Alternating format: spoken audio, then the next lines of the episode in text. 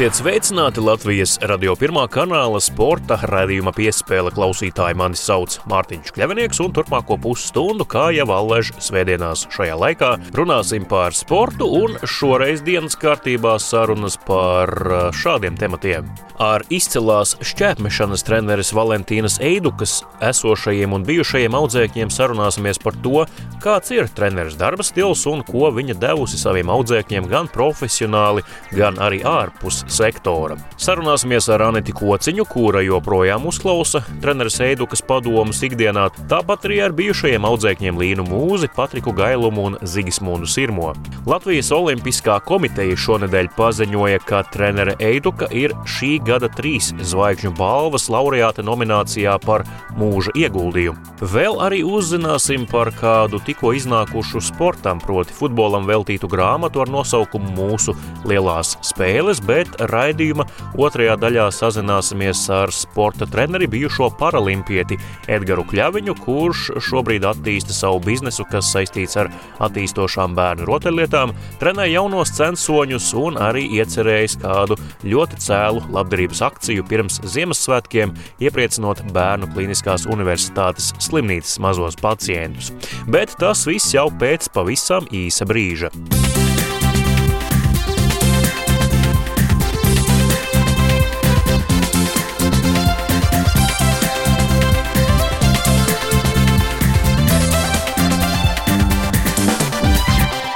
Jūs klausāties Latvijas radio pirmā kanāla sporta raidījumu piespēle studijā Mārtiņš Kļavinieks. Un raidījumu ievadā uzzināsim kaut ko vairāk par šonadēļ iznākušo grāmatu mūsu lielās spēles, kas veltītas Latvijas futbola izlases aizvadīto 30 gadu vēsturiskajiem mačiem. Proti šajā grāmatā kā pieturas punkti izcelti 15 dueļi, taču aprakstīts ne tikai tas, kas noticis šajās 15 spēlēs, bet dažādi notikumi ap apkārt spēlēm eh, līdzjutēji acīm, eh, jo šo grāmatu sarakstījis Kristiāns Girvičs, kurš ir arī kvēls Latvijas izlases un citu vietējo futbola komandu fans. Saruna ar grāmatas mūsu lielās spēles autoru Kristiānu Girviču raidījuma turpinājumā. Sveiks, Kristiāna! Labdien, labdien! Mūsu lielās spēles es eh, atzīšos, un arī radio klausītājiem pačukstējuši, ka kaut kad šķiet tas bija vasaras vidus, kad es um, satikos ar Ilvāru Kostinkeviču, un viņš teica man tā uh, neoficiālā sarunā, Mārtiņa gaidi, drīz vien būs jauna grāmata par Latvijas futbolu un Latvijas izlases labākajām spēlēm. Kristians jau pie tā strādā. Un šekurēku ir decembris, un grāmata ir ieraudzījusi savu dienas gaismu. Kāds vispār bija process un cik ilgi šī grāmata tapa? Reāli jau pagājušajā vasarā, vasarā jau es sāku rakstīt. Pus pa jokam, pus nopietni. Es, es, es parasti saku, ka grāmata zap arī tos teju 30 gadus, jo nekad nedomājot, ka, protams, rakstīšu, bet būdams tāds uh, liels futbola fans un cienītājs un latviešu futbola patriots, es jau pirmajām neatkarības laika spēlēm sāku krāt avīžu rakstus par Latvijas izlases mačiem. Rakstīju video kasetes arī no daudziem tiem slavenajiem mačiem, tur sākot ar 92. gada Dāniju un pēc tam Austriju 95. visas leģendārās uzvaras. Pagājušajā gadā vasarā man Ilvers uzrunāja tā, tā lēnā garā. Es sāku darboties. Tad daži man draugi jau, jau, jau gadiem bija teikuši, ka jāraksta, Kristiāna, tev jāraksta, tu pa futbolu tur visu laiku ņemies. Tev. Bet, nu jā, es tāds cilvēks pēc, pēc dabas lēnīgi. Man vajag, lai kāds no visas tās menedžēšanas lietas nav mana stihija. Un kaut kādā tādā oriģinālākā veidā, nevis tikai kurā datumā un kā, un, bet atrast tādu interesantāku variantu, tad, tad es piedāvāju, jā, caur tām spēlēm izstāstīt to vēsturi, balstoties uz tiem patīkamākajiem un, un priecīgākajiem mirkļiem, kas ir bijuši. Zinu, ka, ka īsti neiet, tad ar vien vairāk arī gribās atskatīties un atcerēties. Un, sevi iedrošināt, ka pēc visiem, visām neveiksmēm var būt atkal veiksmes. Un, un tas arī tā, tad pat, pat tiem 90. gadiem jau īpaši, jo, nu, protams, Eiro 2004 cikls brīnumainais, tas jau ir pats par sevi stāsts, bet arī bija ļoti interesanti un gribējās, jo to arī tad ar jaunākiem līdzjutējiem vai, vai kā runājot, es tā es secināju, ka nu jā, par tiem 92. vai kā tur arī bieži vien ir visādi mīti un stereotipi, un kad nu, īstenībā nemaz to tik daudz nezinu, kā tur īsti bija. Par to pašu Dānijas maču es biju dzirdējis, pat lasījis kādā izdevumā versiju, ka tur Dāņi uh, bija visas vārtu stabus apsituši, kā mēs noturējām 0-0, bet reāli, reāli jau tajā spēlē tikai mēs vienreiz pa stabu trāpījām. Un tās tādas, nu, jau tādas leģendas klīda, ka, nu, ka nemaz tik traki jau nebija īstenībā. Un... Vai grāmatā apkopots tikai uzvaras un tādi um, kaujinieciski neizšķirti pret lielvalstīm, vai ir arī varbūt kāds, skai, kāds skaists zaudējums, ko, ko vērts atcerēties? Grāmatā ir teiksim, tā, 15 nodaļas par 15 spēlēm, bet, uh, protams, tur nav tikai par tām 15 spēlēm, un es tik daudz neliku uzsvaru uz to, lai, lai tur sīki un niansēti aprakstītu, kurā minūtē kurš kuram padeva piespēli. Tās piespēles spēles ir tādi kā pieturas stacijas, pieturas punkti, kā no 92. gada līdz šim laikam, kā tā izlase attīstījās, kā mainījās sastāvi. Kā, kā mainījās attieksmes prasības līdzjutēji. Nu, mēģināju arī, arī attainot to tā laikā to auru, un kaut vai pēc tiem avīžu virsrakstiem daudz ko var pateikt, kā sabiedrība reaģēja. Un, tekstā pieminu arī, arī visas no tādu zaudējumus, neko garām nepalaižam, bet lai liktu uzsvaru, tomēr, tomēr es visi gribam lasīt un priecāties un atcerēties tos, tos uzvaras vai vai arī, nu, teiksim, neizšķirtu brīžus tur. Bet patīkami arī, ka grāmatu atbalstījusi Latvijas Futbola Federācija. Kā jūs nonācāt līdz, līdz sarunām un beig beigās reālai sadarbībai? Jāsaka, godīgi, jāsaka liels paldies Futbola Federācijai, jo bez Futbola Federācijas tā grāmata nekad nebūtu. Es varu uzrakstīt un tā, bet uh, lai, lai nofinansētu, samanģētu visu. To es diez vai kādreiz pats tā paceltu. Par skaitļiem, kāds vispār ir tas eksemplāru skaits, kas šobrīd ir izdots? Nu, eksemplāru skaits nav nemaz tik liels. Ir 800, ja nemaldos. Ja jau, ja jau būs, kā saka, piekrišana un, un, un, un lasītāji pirks un patiks, tad, tad, tad es domāju, nebūs jau nekāda problēma arī papildus metienus taisīt. Bet tagad, jā, cik es zinu, ir 800 eksemplāri. Pēdējais jau kāds mēnesis man tādā ziņā bija Uh, var teikt, smags, jo, jo es to grāmatu rokās turēju, bet kamēr bija Latvijas izlases mači, tur un tomēr federācija palūza, ka, ka nospēlēs, un tad uh, viņi piemeklēs labāko brīdi, kad laiž pasaulē, un kamēr tur līdz tai grāmatnīcai fiziski tur visus līgumus noslēgt, visu to, man bija tā, ka jā, es to grāmatu skatījos, bet skaļi nevarēju teikt, ka, ka jau ir. Viņš bija tāds motivators, ka es arī gribu būt tur, kur ir viņš un darīt to, ko viņš dara. Visiem spēlētājiem mēs ticam, gaidām, un, un vēl nekas nav beidzies. Vismaz viens spēle mums noteikti. Jā. Jūsu radio uztvērējos joprojām skan Latvijas radio pirmā kanāla sporta raidījums piespēle, raidījuma vadītāja krēslā Mārtiņš Kļavinieks. Straujiem soļiem dodamies tālāk un pievēršamies Latvijas Olimpiskās komitejas rīkotajai trīs zvaigžņu balvai, kura šogad noritēs pirmo reizi. Vismaz attālinātā režīmā apbalvošanas ceremonija paredzēta decembrī izskaņā, taču liela daļa laureātu vēl nemaz nav zināmi. Tie taps zināmi vakarā, kad arī no notiks šī digitālā ceremonija. Savukārt viens no nominantiem gan jau ir tapis uh, publiski zināms sabiedrībai, un tā ir balvas par mūža ieguldījumu laureāte leģendārā šķēpmešanas trenere Valentīna Eiduka. Trenere Eiduku noteikti daudzi zina pēc viņas audzēkņu spilgtākajiem sasniegumiem neatkarīgās Latvijas laikā Vadima Vasiljevska olimpisko sudraba medaļu 2004. gadā Atēnu spēlēs, kā arī Ainara Kovala pārsteidzoši sacensību noslēgumā izrauto sudrabu Pekinas olimpiādē. Vēl bijuši arī neskaitāmi junioru rekordi, sasniegumi, medaļas, kausi un eh, dažādi citi apbalvojumi treneris Valentīnas skolotājiem šķēprēžiem, bet eh, šajā raidījumā sarunāsimies ar četriem no viņiem. Viena, Anete Kociņa, joprojām turpina trenēties Valentīnas Eidukas vadībā, savukārt Patriks Gailums, Līna Mūze un Zigismunds Sirmais to darīja kādreiz. Vispirms ar saviem stāstiem par Valentīnu Eiduku eh, kāda viņa ir darba procesā un arī ārpus eh, sektora, dalīsies Anete Kociņa un Patriks Gailums. Pēc tam uzklausīsim arī Līnu Mūzi un Zigismūnu Sirmonu.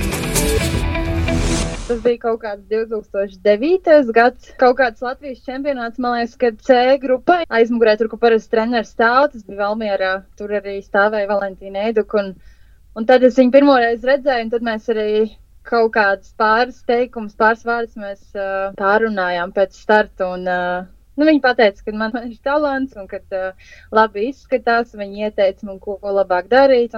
Tā, man liekas, bija tā, tā spilgtākā reize, ko es atceros. Un tad viņa man arī piedāvāja, vai es nevēlētos pabraukāt uz Rīgā, patrenēties pie viņas. Nu, kaut kādas reizes divus mēnešus, piemēram, un tad kā iet uz priekšu tā šķērsmešana. Es jau sekoju līdzi šķērsmešanai kādu laiku atpakaļ, kopš es uh, sāku vispār pat trenēties viegslietikā, un uh, es zināju, ka ir tāda trenera Valentīna Eiduka, un kad viņai ir visi augstas klases sportisti, kas tajā laikā viņiem bija. Man liekas, vienkārši tāds, wow, pie viņas trenēties. Tas būtu vienkārši kosmos. Bija tāds mazliet uh, sabijies, tas, tas pirmais iespējas, bet, uh, mm. bet es noteikti biju tikai priecīgi dzirdēt to, ka man sanāk un ka man ir talants. Un es, es saku, es laikam vienmēr pie viņas es gribēju trenēties, cik es sev atceros, kad es jūtu līdzi šāpšanai, tāpēc es uh, nevienā brīdī neesmu domājis par to, ka man vajadzētu mainīt treneri. Varbūt tas, ka trenerē ir uh, tie gadi, uh, pieklājīgais vecums, kad viņa varbūt nevar tik daudz izbraukt līdzi, vai viņai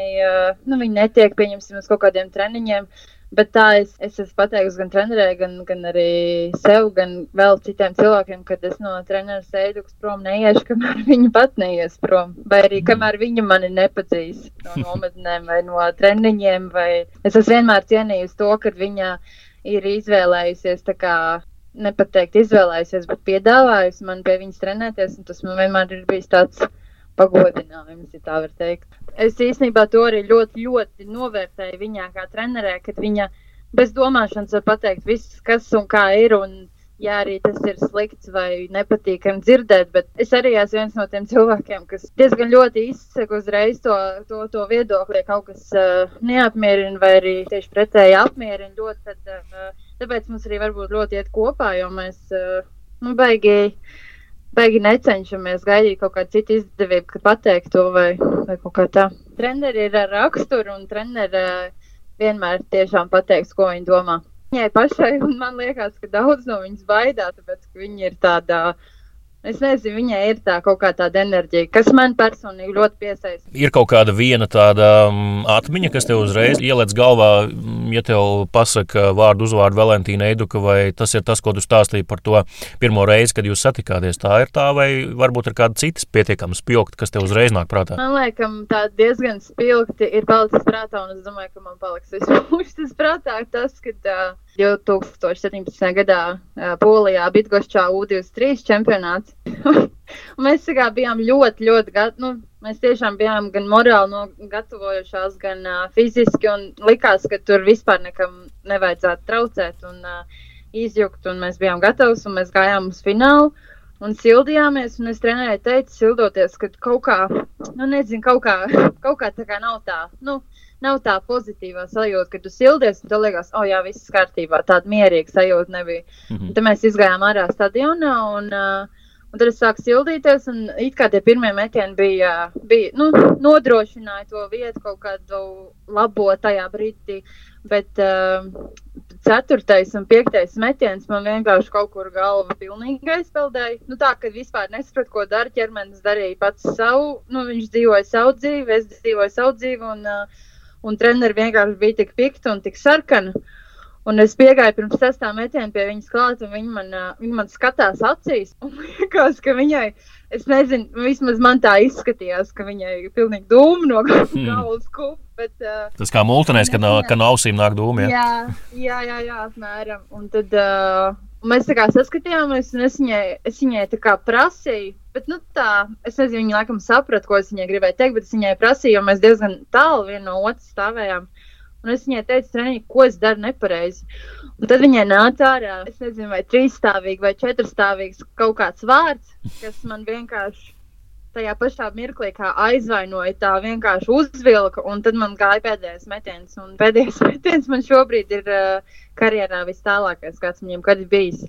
Un kurjos ir visā tajā, tajā stāstā tāds, ka uh, man ļoti daudz jautāja, ko treneris tev pateica. Mm -hmm. Bet es reāli to es nedrīkstu nevienam to atklāt. Un, uh, un tas arī paliek šobrīd tā, ka neviens nezina, ko treneris pateica, bet tas ļoti labi iedarbojās uz maniem tajā brīdī. Mm -hmm. Tas man ir tāds spilgtākais piemērs tā no sacensībām, kas man palicis prātā.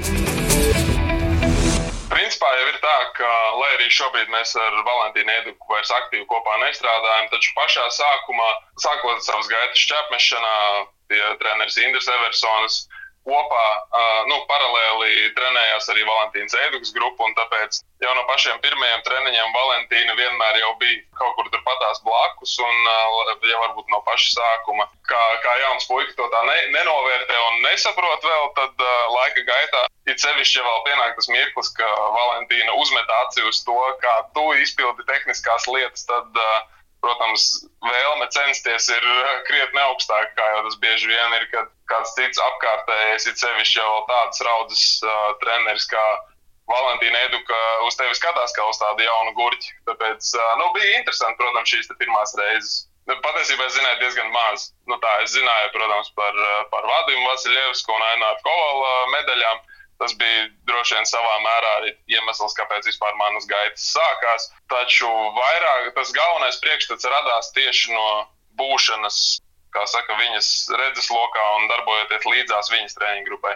Un tad jau tāda kārtīga iepazīšanās, laikam tā to varētu nosaukt, sākās pirmajās treniņu nometnēs Dienvidos, kas ir Portugālē, kad uh, mēs devāmies kopā arī ar viņas grupu. Un tad jau tā vairāk sanāca arī ar pašu Valentīnu, tās pirmās tādas, tādas nopietnākas treniņu reizes aizvadīt. Kāda viņa ir treniņos, cik viņa var pajokot, cik viņa ir dzelžaina, kāda ir tā pieeja? Jūs to skatās tā, ka labs, labs, labs jautājums. Nu, ja godīgi es teikšu tā, ka viņi ir tāds cilvēks, ka kas savo, savos gados, jau tajā laikā, kad es pie viņas trenējos, vēl aizvien bija pilna enerģijas un patiesībā ar vēlmi salīdzināt sevi, vēlēties būt tādā enerģijas līmenī, kad es, piemēram, būtu 80 gados un, uh, un būtu tādā pašā enerģijas līmenī kā viņa, kad viņai ir 80. Jo tā, tā enerģija, ko viņa spēja nodot audzēkņiem, treniņos un arī ārpus treniņu laika, bija tiešām ļoti augstu un neizmērojami. Un šie stāsti, kas no viņas parasti arī tika dzirdēti par milzīgo pieredzi gan, gan sportā, gan ārpus tā, tas savā mērā bija iedvesmojoši trenēties tieši, tieši šādā sastāvā un pie viņas. Ir ļoti daudz dažādu tādu nelielu detaļu, kas ir bijušas laika gaitā, protams, tāda ir neskaidrām. Bet pirmais, kas man nu pat ienāca prātā, bija 2018. gada Eiropas čempionāts. Tā bija mana debija pieaugušo sacensībās, lielāka mēroga. Toreiz bija tā, ka kopā ar visu karstumu un debijas stresu uh, iesildīšanās izskatījās vienkārši katastrofāli. Tad bija tie pirmie, pirmie metieni, tādi iesildoties, un trenerīt mēs saskanējām vēl vēlnos. Nav, nav galīgi labi. Un tad, uh, un tad kaut kā, nu, viņas tāds uh, sav, savā ziņā miers ar to pašu, ka, nu, patiesībā reāli tas ir gada svarīgākās sacensības, sauksim to tā, un viņas audzēknim tajā mirklī izskatās, ka zeme jūka ar debesīm kopā, bet uh, tajā, tajā mirklī. Nu tā, gan, gan pārliecība no viņas puses, gan arī pārliecība, šī pārliecība, ko viņa iedvesa manī, tad tālāk arī transformējās diezgan sakarīgā startā arī pašā, pašā Eiropas čempionātā. Šīs savstarpējās emocijas droši vien ir grūti izskaidrot tā ar vārdiem, vai ne tās tādas vairāk, tā, kā teikt, ne gluži telepātiskas, bet nu, šī enerģija savā starpā, kas rodās, droši vien tas ir tāds spilgtākais. Trenerī tā arī tika saukta, droši vien tā caur, caur joku, vai arī nepieciešams pievērst uzmanību vairāk nezinu, trenerīt ar kaut ko, ar kaut ko runājās tieši tajā mirklī, tad tā, tā ka nu, uzjautāja Valentīnā, un tad ir tā, ka kaut kāds pilnīgi jauns vārds rodās, un tad uzreiz tā, kas, kur, kad, kāpēc.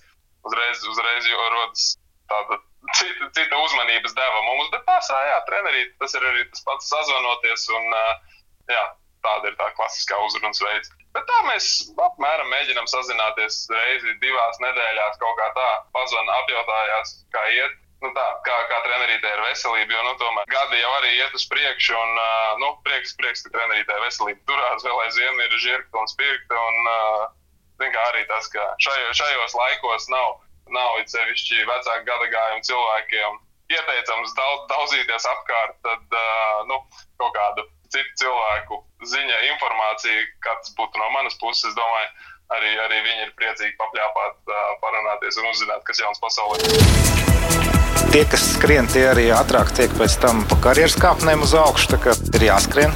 Tad, kad es biju maziņš, tukumā, es metu šīs maigas, kā ar ko piesien cūkums.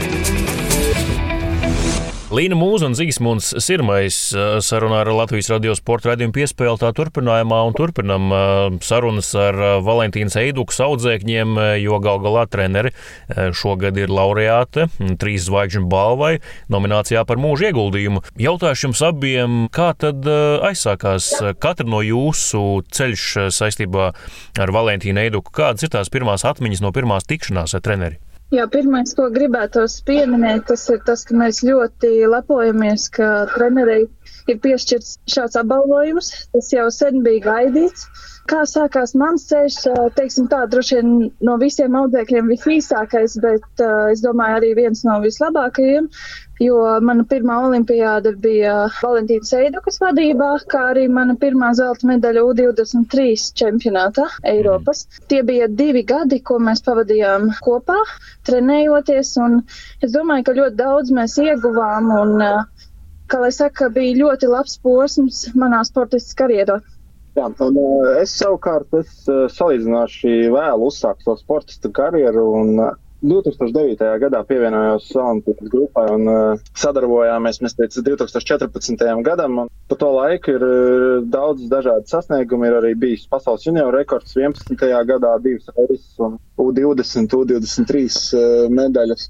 Jums abiem zīmīgi, ka pirmā olimpiāda tieši kopā ar, ar trenerīti, kā jūs visi audzēkņi viņu saucat, vai ne? Jā, tieši tā. Londonas Olimpiskās spēles 2012. gadā, jā, mm. pirmās Olimpiskās spēles, lielisks atmiņas, lieliska pieredze.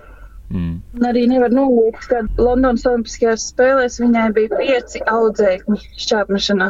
No sešiem iespējamajiem, tā kā tas, tas ir arī milzīgs sasniegums, ko vajadzētu pieminēt. Un, Jā, es domāju, ka trenerei ir, teiksim tā, varbūt pat vislielākie sasniegumi viegli kā treneri. No. Kā jūs abi varbūt viens otru papildinot, raksturotu treneru Eiduku, te citi audzēkņi jau ir izteikušies, asa mēle, prot ļoti tieši pateikt to, ko domā par audzēkņu tehniku vai, vai sniegumu. Tāpat laikā pietiekami daudz cilvēcības un iejūtīguma ir tajā visā komunikācijā. Un, protams, tā labā acis, kā jau Zīga tu teici, nu, noskautoja tevi 17 gados, ne tu vienīgais, arī Anita Kociņa viņa tur pamanīja stadionā mētājiem šķēpu. Kas raksturo treneru Reiduku, kādas īpašības? Uh, nu, varētu piekrist īstenībā daudziem audzēkņiem, ko viņi ir teikuši. Es atceros vislabāk, kad, ja gadījumā kaut kas neizdevās vai netika labi izpildīja vingrinājumu, tad es zinu, ka viņa lietoja tādu vārdu kā pušķainiks vai čainiks. Tas man ir vislabāk iespiedīs galvā. jā, man tas tāds, jā. Tā, tas ir, bet tiešām visu redzošā acī, jā, tas ir noteikti uz tehniku. Viņa strādāja ļoti, es domāju, akurāti un pareizi. To arī pierāda rezultāti. Un, un, noteikti vajag arī liela apņēmība, lai katru dienu nāktu un panāktu savus audzēkņus. Nav jau viegli to katru dienu konstanti gadu no gada darīt. Un, Lielāko daļu mūža viņa ir ieguldījusi Latvijas vieglatlētikā šķērpmešanā. Tas, ir, um... tas, nav, tas nav bieži sastopams, ka cilvēks ir gatavs ziedot uh, savu dzīvi sportam un sporta attīstībai. Un, Un, un, un Valentīna to ir darījusi. Tā kā visu cieņu un, un nekurš katrs var. Tajā brīdī es biju labākais pasaulē. Visas pirmās vietas ir līdzvērtīgas zeltam.